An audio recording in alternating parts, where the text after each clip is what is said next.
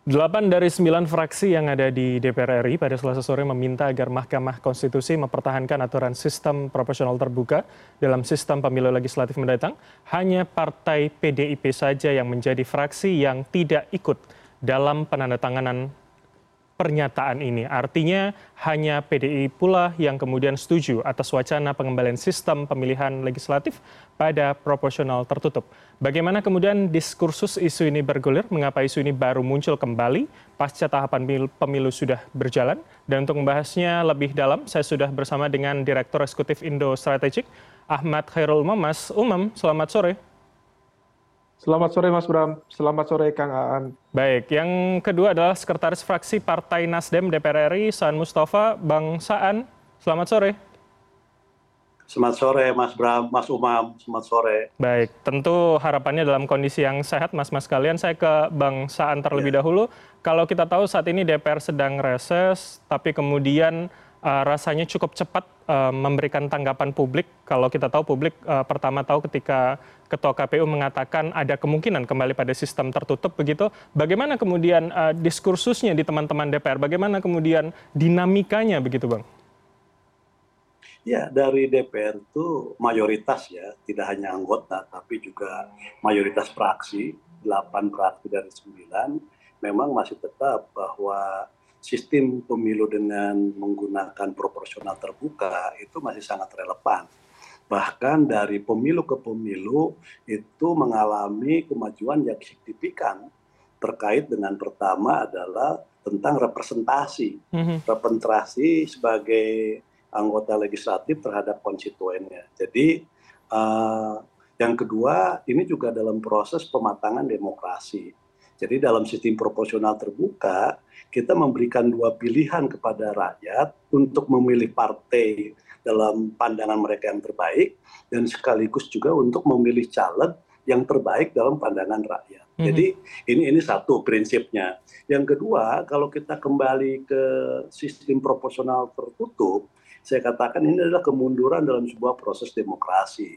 Karena sistem tertutup ini pernah diterapkan dalam pemilu-pemilu di Orde Baru. Jadi sejarah pemilu Orde Baru itu menggunakan sistem proporsional tertutup. Mm -hmm. Nah, sistem proporsional tertutup ini lebih beratkan kepada partai, sehingga partai yang apa uh, ikut pemilu dan menempatkan uh, kader-kadernya di legislatif itu yang tidak mengenal daerah pemilihan, yang tidak mengenal pemilihnya, apalagi rakyatnya juga tidak mengenal, pemilihnya juga tidak mengenal. Okay. Jadi terputus. Jadi sebagai kan gini, kalau kita relasi antara DPR sebagai wakil rakyat dan rakyat ini wakilinya, ini kan harus relasinya harus berjalan dengan baik. Baik.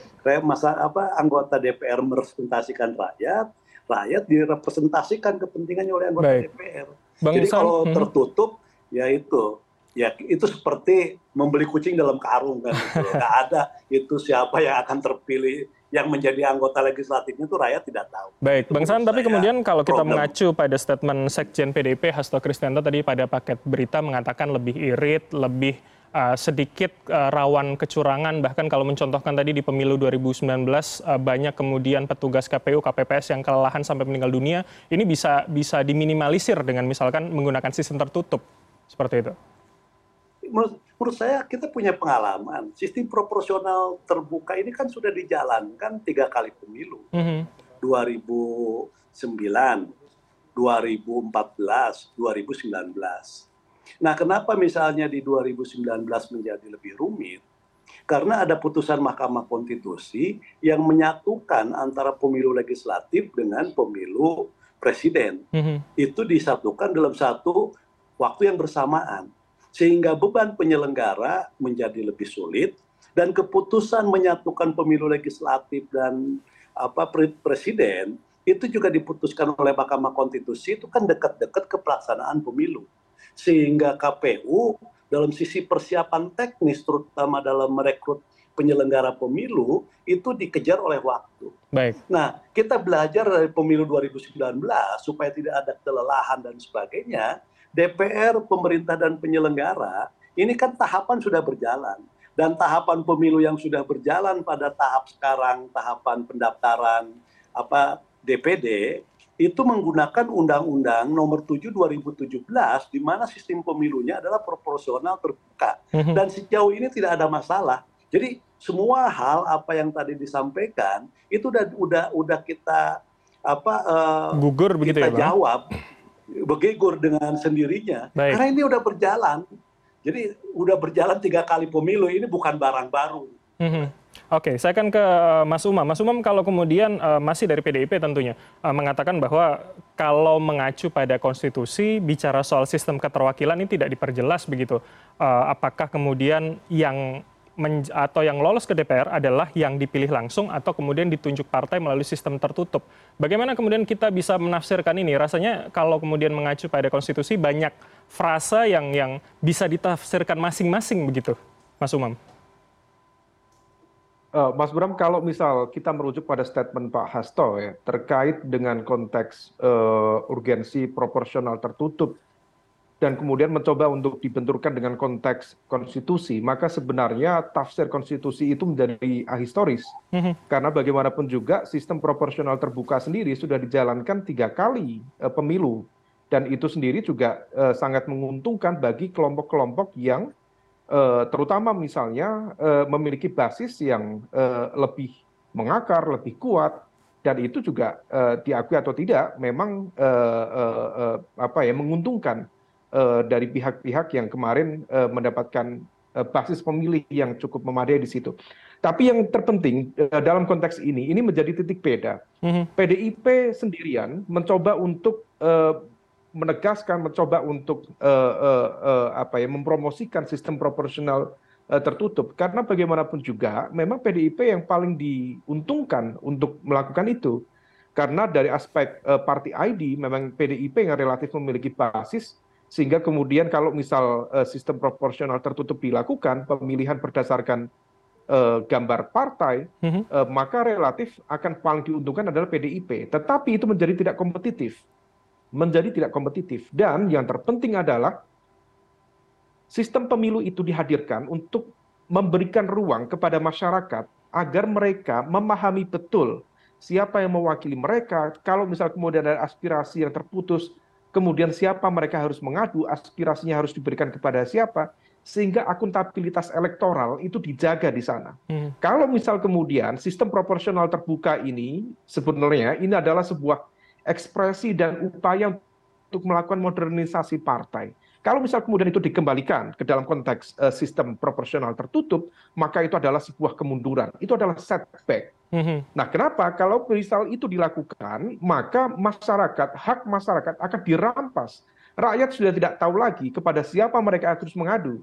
Karena akuntabilitas kepemilihannya itu bukan kepada siapa yang mereka coblos, siapa wakil rakyat yang mereka pilih, tapi kemudian kepada sistem kepartaian. Baik, Nah, oleh karena itu saya pikir apa yang dilakukan oleh pimpinan-pimpinan fraksi, delapan fraksi di eh, Senayan untuk ya menyatakan bahwa mereka masih tetap eh, setuju dengan sistem proporsional eh, terbuka, saya pikir itu menjadi hal yang cukup positif karena bagaimanapun juga ini juga terkait dengan konteks eh, kewenangan. Ini adalah sebuah kesepakatan politik. Sistem sistem pemilu apa yang akan digunakan? Ini adalah kesepakatan politik. Bukan menjadi ranah kewenangan dari Mahkamah Konstitusi. Karena bagaimanapun juga ini tentu masih tetap sesuai dengan eh, nilai-nilai konstitusional maka berlaku kemarin di pemilu 2004 eh, maaf 2009, 2014, 2019. Mhm. Maka kalau misal kemudian ini mau coba ditafsirkan ulang, saya pikir tafsir itu relatif ahistoris, Mas Bram. Oke, tapi artinya ketika hari ini kita bicara untung rugi, maka jika kembali pada sistem proporsional tertutup akan cukup menguntungkan bagi partai-partai establis dan dan merugikan bagi partai baru begitu ya, Mas Umam? Betul, terutama partai-partai yang baru betul yang akan dirugikan atau partai eh, menengah Mhm. yang memang mereka relatif memiliki basis pemilih yang berdasarkan pada karakter yang bukan ditentukan oleh party ID. Jadi basisnya itu relatif didasarkan pada isu, pada termasuk juga memiliki eh, para caleg-caleg yang memiliki Ketokohan caleg akar, begitu ya, memiliki Mas? eh, narasi. Ya, betul. Itu akan kemudian berpengaruh signifikan terhadap hal tersebut. Nah, oleh karena itu, eh, memang ini menjadi sebuah agak dilematik ya. Kalau misal masih tetap mencoba untuk mencari jalan tengah, sebenarnya sistem proporsional terbuka terbatas itu masih relatif juga untuk dijadikan sebagai pilihan.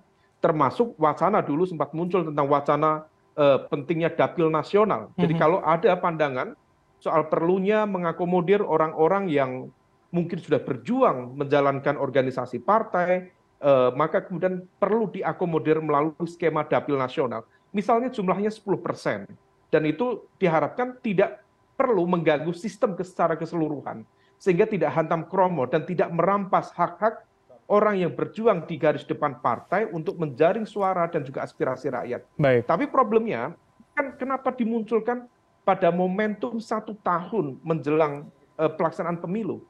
Jangan sampai kemudian wacana ini membuat situasi yang tidak uh, tidak kondusif mm -hmm. sampai kemudian seolah-olah ini bisa dipersepsikan sebagai sebuah cipta kondisi baik, baik. menuju upaya untuk mengcancel atau uh, ya mempospon uh, uh, uh, pelaksanaan pemilu 2024 mendatang. Baik. Oleh karena itu semuanya pihak tentu harus waspada dalam konteks ini. Oke, kita akan lanjutkan usai jeda masih dengan isu yang sama masih bersama dengan Bang Saan dan juga Mas Umam. Pemirsa tetaplah bersama kami di CNN Indonesia Newsroom.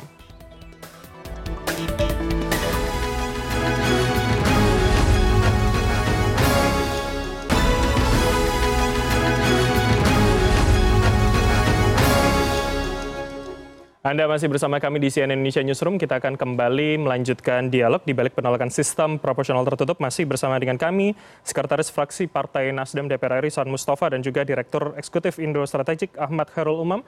Uh, saya akan ke Bang Saan begitu ketika tadi sebelum jeda Mas Umam mengatakan ada uh, solusi lain misalkan dengan sistem proporsional terbuka terbatas begitu. Bagaimana Nasdem melihat ini? Mengingat kemudian yang ada pihak yang kemudian uh, tidak setuju dengan sistem terbuka ini mengatakan biayanya cukup tinggi apalagi untuk caleg harus harus uh, membeli sejumlah alat peraga yang ini tidak kecil angkanya seperti apa anda melihat mas? Ya pertama saya ingin komentari dulu tadi soal siapa yang diuntungkan, siapa yang dirugikan. Mm -hmm. Yang pasti yang dirugikan pertama adalah rakyat. Kenapa saya katakan yang dirugikan rakyat? Rakyat kehilangan haknya. Hak untuk mendapatkan wakil yang terbaik. Hak untuk mendapatkan wakil yang kompeten mhm. bertanggung jawab berintegritas. Itu pasti kehilangan. Dan ketika mereka tidak ada yang merepresentasikan kepentingan mereka mereka kehilangan arah ketika ada persoalan mereka akan ke mana. Itu pasti yang pertama kali dirugikan adalah rakyat. Yeah. karena sistem proporsional tertutup itu tidak memperkenalkan calon anggota legislatif nanti kelak partai ini mendapatkan kursi. Siapa? Itu nggak ada. Jadi pasti jarak apa dia ini kesenjangan gap antara rakyat yang akan diwakili dengan yang akan menjadi wakil gapnya itu terlalu panjang terlalu jauh. Rakyat tidak bisa menjangkau itu itulah yang saya katakan kenapa ada kemunduran? Jadi hak hak rakyat sudah dirampas. Jadi nah kita tidak boleh membiarkan hak hak rakyat yang sudah didapatkan untuk mendapatkan pemilih yang terbaik itu didapatkan apa dihilangkan. Nah yang kedua bagaimana misalnya ini kan undang-undang sudah berjalan. Mm -hmm. dan kita di DPR waktu itu sepakat untuk tidak melakukan revisi. Ketika kita mau melakukan revisi alternatif-alternatif untuk misalnya apa eh, mengevaluasi atau memperbaiki kelemahan-kelemahan yang ada dalam sistem proporsional terbuka itu kan kita bisa eliminir misalnya termasuk alternatif ketika ada sistem campuran. Misalnya nanti ada dapil nasional untuk mengakomodasi. Tapi kan karena nggak ada revisi undang-undang pemilu ya kita gunakan undang-undang yang ada. Baik. nah undang-undang yang ada itu tidak boleh juga diutak atik itu hmm. satu hal karena apa karena kita sudah bersepakat nah ini ketika kita sudah bersepakat ada ada yang melipir mau menggunakan jalur Mahkamah Konstitusi kan gitu loh. Nah, padahal Mahkamah Konstitusi pun sudah punya dulu putusan.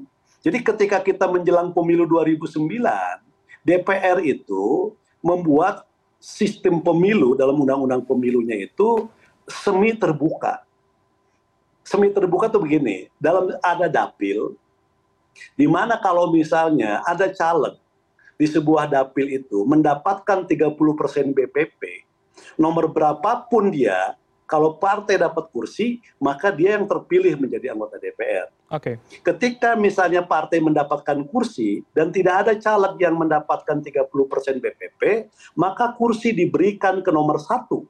Berapapun suara nomor satu. Misalnya suaranya cuma dua, maka kursi milik nomor satu. Nah, sistem ini yang semi terbuka ini di GR dan Mahkamah Konstitusi memutuskan bahwa pemilu menggunakan sistem proporsional terbuka murni. Hmm. Tadi yang semi itu dihilangkan. Ini udah ada putusannya. Nah, ketika ini sudah ada putusannya, ini kan objek yang sama. Ketika objek yang sama di GR lagi, dan ini juga sudah berjalan untuk dua kali pemilu, bahkan tiga kali mau ke mau empat kali pemilu di GR. Ini kan sesuatu barang lama kok di dipersoalkan kembali. Okay. Nah kalau misalnya kita mau persoalkan kan nanti di DPR dengan pemerintah ketika mm -hmm. revisi undang-undang pemilu. Okay. Jadi ini yang pertama. Jadi mari kita perbaiki apa yang menjadi kekurangan kelemahan dari sistem proporsional terbuka. Okay. Bukan berarti kita setback ke, pemilu, ke sistem pemilu tertutup. Yang jelas-jelas itu dulu banyak kekurangannya kan gitu. Makanya dikoreksi ketika zaman reformasi sistem yang itu kan kita reformasi. Oke, kita koreksi lebih banyak ya, secara ya, total. Ya mudaratnya lebih banyak sekali gitu loh. Jadi apakah tidak menutup kemungkinan nanti orang berjuang ah yang penting beli kursi aja ke DPR. Oke, apa baik. ke partai Bang untuk mendapatkan nomor satu. Hmm. Artinya kan pasti, surat pernyataan delapan fraksi ini menegaskan ke publik bahwa ini kemungkinannya kecil sekali begitu ya. Pun kalau kemudian ternyata uh, ajuan yang saat ini ada di MK nantinya akan akan uh, misalkan terpenuhi, misalkan akan ada rangkaian panjang uh, tentunya? Ya, karena gini, kalau kita berpikirnya apa konstitusional lah, juga objektif. Pertama, ini pernah di GR. Artinya dan keputusan MK itu kan final dan mengikat, udah di GR. Mm -hmm. Artinya orang ketika menjiar hal yang sama yang sudah diputuskan, rasanya itu susah untuk dipenuhi karena memang pernah ada putusan sebelumnya. Okay. Yang kedua, kalau diuji pasal ini apakah bertentangan dengan undang-undang dasar terkait dengan sistem pemilu profesional terbuka. Justru pemilu, sistem pemilu profesional terbuka itu adalah wujud dari penerjemahan terhadap undang-undang dasar. Apa? Soal kedaulatan rakyat. Jadi kedaulatan ada di tangan rakyat karena ada di tangan rakyat, maka rakyat berhak untuk mendapatkan partai yang terbaik menurut versi rakyat. Baik. Yang kedua, calon mereka yang terbaik menurut rakyat. Jadi sistem pemilu proporsional terbuka itu sesuai dengan ruh dari undang-undang dasar, yaitu mm -hmm. semangat tentang kedaulatan rakyat. Okay, kedaulatan baik. ada di tangan rakyat. Jadi, nah yang kedua, secara lingkungan kan semua partai delapan fraksi menghendaki proporsional terbuka. Bahkan sebagai rakyat pun kalau ditanya masyarakat, saya yakin juga mayoritas ingin proporsional terbuka. Nah, dengan berbagai argumentasi itu tadi, saya sih beryakinan bahwa MK akan mendengar semua pendapat yang tetap ingin mempertahankan proporsional terbuka. Oke, yang kedua juga kita juga hmm. ingin kita jangan gini, jangan sampai spekulasi ya di di luar tentang hakim-hakim majelis hakim-hakim Mahkamah Konstitusi misalnya yang punya kedekatan dengan si A, dengan si B dan sebagainya, itu itu menjadi terbukti dengan putusannya itu tadi. Maka sekali lagi kemandirian untuk menjaga kemandirian dan marwah Mahkamah Konstitusi itu penting juga hakim-hakim MK itu ah, okay. mendengar ini semua dan konsisten dengan putusan yang sebelumnya. Oke, jangan-jangan nanti putusan akan akan uh, menjawab begitu ya keraguan publik selama ini ya seperti yang Anda sampaikan. Saya akan ke Mas Umam. Mas Umam kalau kita melihat pun ya. ketika nanti dikabulkan oleh MK misalkan gugatannya akan ada uh, tahapan panjang misalkan revisi DPR artinya harus ada revisi undang-undang terlebih dahulu tidak bisa langsung ke PKPU begitu. Artinya pun jika ada revisi uh, tidak bisa dilakukan untuk pemilu terdekat misalkan. Artinya sangat kecil sekali kemungkinan ketika ini dikabulkan akan bisa terjadi di 2024 begitu ya, Mas Umam? Semua tergantung pada arus kekuasaan yang berjalan, Mas Bram. Mm -hmm. Artinya kalau misal kemudian kita lihat per hari ini, maka kemudian ada kemungkinan kalau misal itu dipaksakan selama ada kekuatan yang bisa memaksakan kehendaknya hmm. dan kemudian memer, uh, memenangkan pertarungan politik di layar nasional. Nah, apa yang kemudian kita butuhkan adalah sebenarnya komitmen, komitmen political will untuk stick, untuk uh, disiplin pada aturan konstitusi yang ada. Kalau misal kita uh, pahami, misalnya kemarin undang-undang uh, Ciptaker itu ya, itu kan sudah di amanahnya sudah jelas. Okay. Amar putusan Mahkamah Konstitusi sendiri arahnya sudah jelas, revisi, perbaiki. Tetapi apa jawabannya? Perpu. Aha. Nah, maka kemudian kemarin Undang-Undang uh, Pemilu nomor 7 tahun 2017 sudah dihadirkan satu perpu. Ketika kemudian mendesain uh, legalisasi nomor urut yang dulu waktu pembahasan yang tadi disampaikan oleh Kang Saan dulu waktu pembahasan tidak ada wacana itu, tapi kemudian dengan sepihak dimunculkan wacana itu, akhirnya disetujui, maka Baik. kemudian keluarlah perpu. Nah hal ini juga sama, kita harus antisipasi. Kalau misal kemudian ini ada satu kekuatan yang kemudian bisa memaksakan kehendaknya dengan segala justifikasi, dan menurut saya justifikasinya menjadi tidak make sense terkait dengan efektif, murah. Mhm. Dulu narasi tentang uh, pemisahan ya, uh, penyatuan pileg dan pilpres supaya menjadi satu. Argumentasinya adalah murah. Begitu kemudian kemarin di 2019 kita laksanakan, ternyata biayanya tidak jauh beda dibanding dengan uh, pilpres dengan pileg dipisahkan. Okay. Yang itu tahapannya akan jauh lebih adil bagi partai-partai yang tidak memiliki uh, wakil dalam konteks uh, kontestasi di pilpres uh, uh, pemilu uh, waktu itu. Nah, oleh karena itu ini bergantung pada narasi apa yang dilakukan oleh pimpinan fraksi di dpr saya pikir itu adalah sebuah upaya kolektif yang baik sekaligus menunjukkan political will of the top political leader di level Senayan untuk mengingatkan kepada pihak-pihak yang tidak mengindahkan, yang tidak mengacuhkan aturan konstitusi untuk kembali berdisiplin berkonstitusi. Saya pikir wacana-wacana yang disampaikan menjadi tidak relevan. Mhm. Dan oleh karena itu bukan hanya ahistoris, ini adalah sebuah bentuk pembangkangan terhadap aturan konstitusi yang telah disepakati. Okay. Jika di fase Baik. pembahasan sudah disepakati tidak perlu dilakukan perubahan, menjelang permainan kemudian ada yang mengusulkan dilakukan perubahan, perlunya dilakukan perubahan, saya pikir itu adalah sebuah bentuk ketidakdisiplinan yang harus kita uh, awasi bersama. Oke, okay. uh, terakhir singkat saja Mas Umam, artinya kalau kita berkaca pada Perpu kemarin nomor satu uh, maupun nomor dua di tahun 2022, uh, sangat mungkin begitu ya perpu akan menjadi celah terakhir yang yang yang digunakan jangan-jangan. Itu harus kita antisipasi karena sekarang musimnya musim perpu. Jadi perpu juga bisa di, di, dijadikan sebagai alat dan instrumen politik untuk menutupi ketidakmampuan proses legislasi kita ketidakdisiplinan kita kepada konstitusi dan kemudian menggunakan perpu sebagai kekuatan politik dengan menggunakan hak veto presiden untuk melakukan itu. Nah problemnya kalau misal kemudian semua kekuatan politik yang ada di Senayan, delapan lah setidaknya, uh, fraksi yang ada, bersikap, setidaknya ini bisa menjadi pengingat, early warning system, sekaligus juga bentuk koreksi terhadap kekuasaan yang semau-maunya. Kita tidak ingin itu terjadi. Baik. Oleh karena itu, tertib konstitusi, komitmen terhadap konstitusi menjadi hal penting di dalam konteks ketatanegaraan Indonesia ke depan. Baik, baik. Yang perlu digarisbawahi tentu adalah disiplin konstitusi begitu ya. Terima kasih atas waktu Anda. Uh, Direktur Eksekutif Indo Strategik Mas Ahmad Khairul Umam dan juga Sekretaris Fraksi Partai Nasdem DPR RI uh, Kang San Mustafa telah bergabung bersama kami. Selamat sore Mas-mas kalian, salam sehat selalu. Selamat sore.